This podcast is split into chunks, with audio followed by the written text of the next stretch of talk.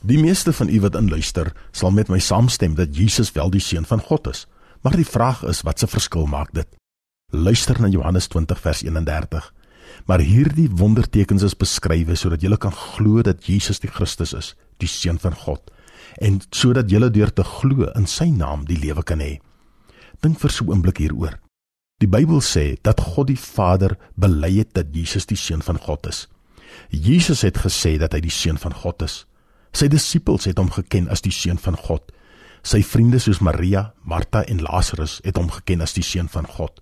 Duiwels het bely dat hy die seun van God is. Die hoofman oor 100 het daar by die kruis gesê: "Waarlik, hy was die seun van God." Matteus 27 vers 54. Die duiwel het hom geken as die seun van God. En Christene deur al die eeue het Jesus Christus geken as die seun van God. Nou, die seun van God die enige geborene van die Vader, van wie die Bybel sê dat hy die geliefde van die Vader, die enige gebore seun van die Vader is, die een wat die ewe beeld van die Vader is. Hy sit nou aan die regterhand van God die Vader in heerlikheid. Dit is hierdie selfde Christus, hierdie selfde seun wat nou binne in elke enkele gelowige woon. Dit is hierdie selfde seun van God wat binne in ons woon.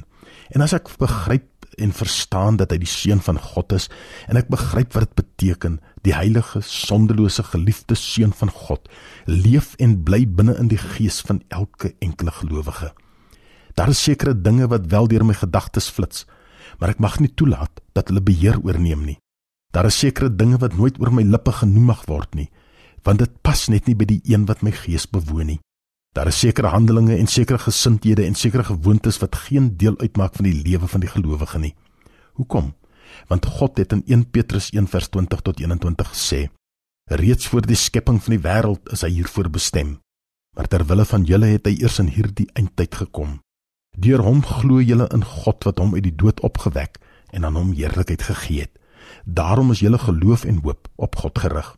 Toe ek julle geroep het om aan my te behoort, het ek dit in beweging gebring wat vanaf die oomblik van julle redding in werking sal tree en dit is dat ek die dinge in julle lewe sal instuur wat nodig is om julle meer en meer gelykvormig te maak aan my seun Jesus Christus. Dankie Heilige Gees dat U my meer en meer gelykvormig maak aan die beeld van die seun Jesus Christus. Amen.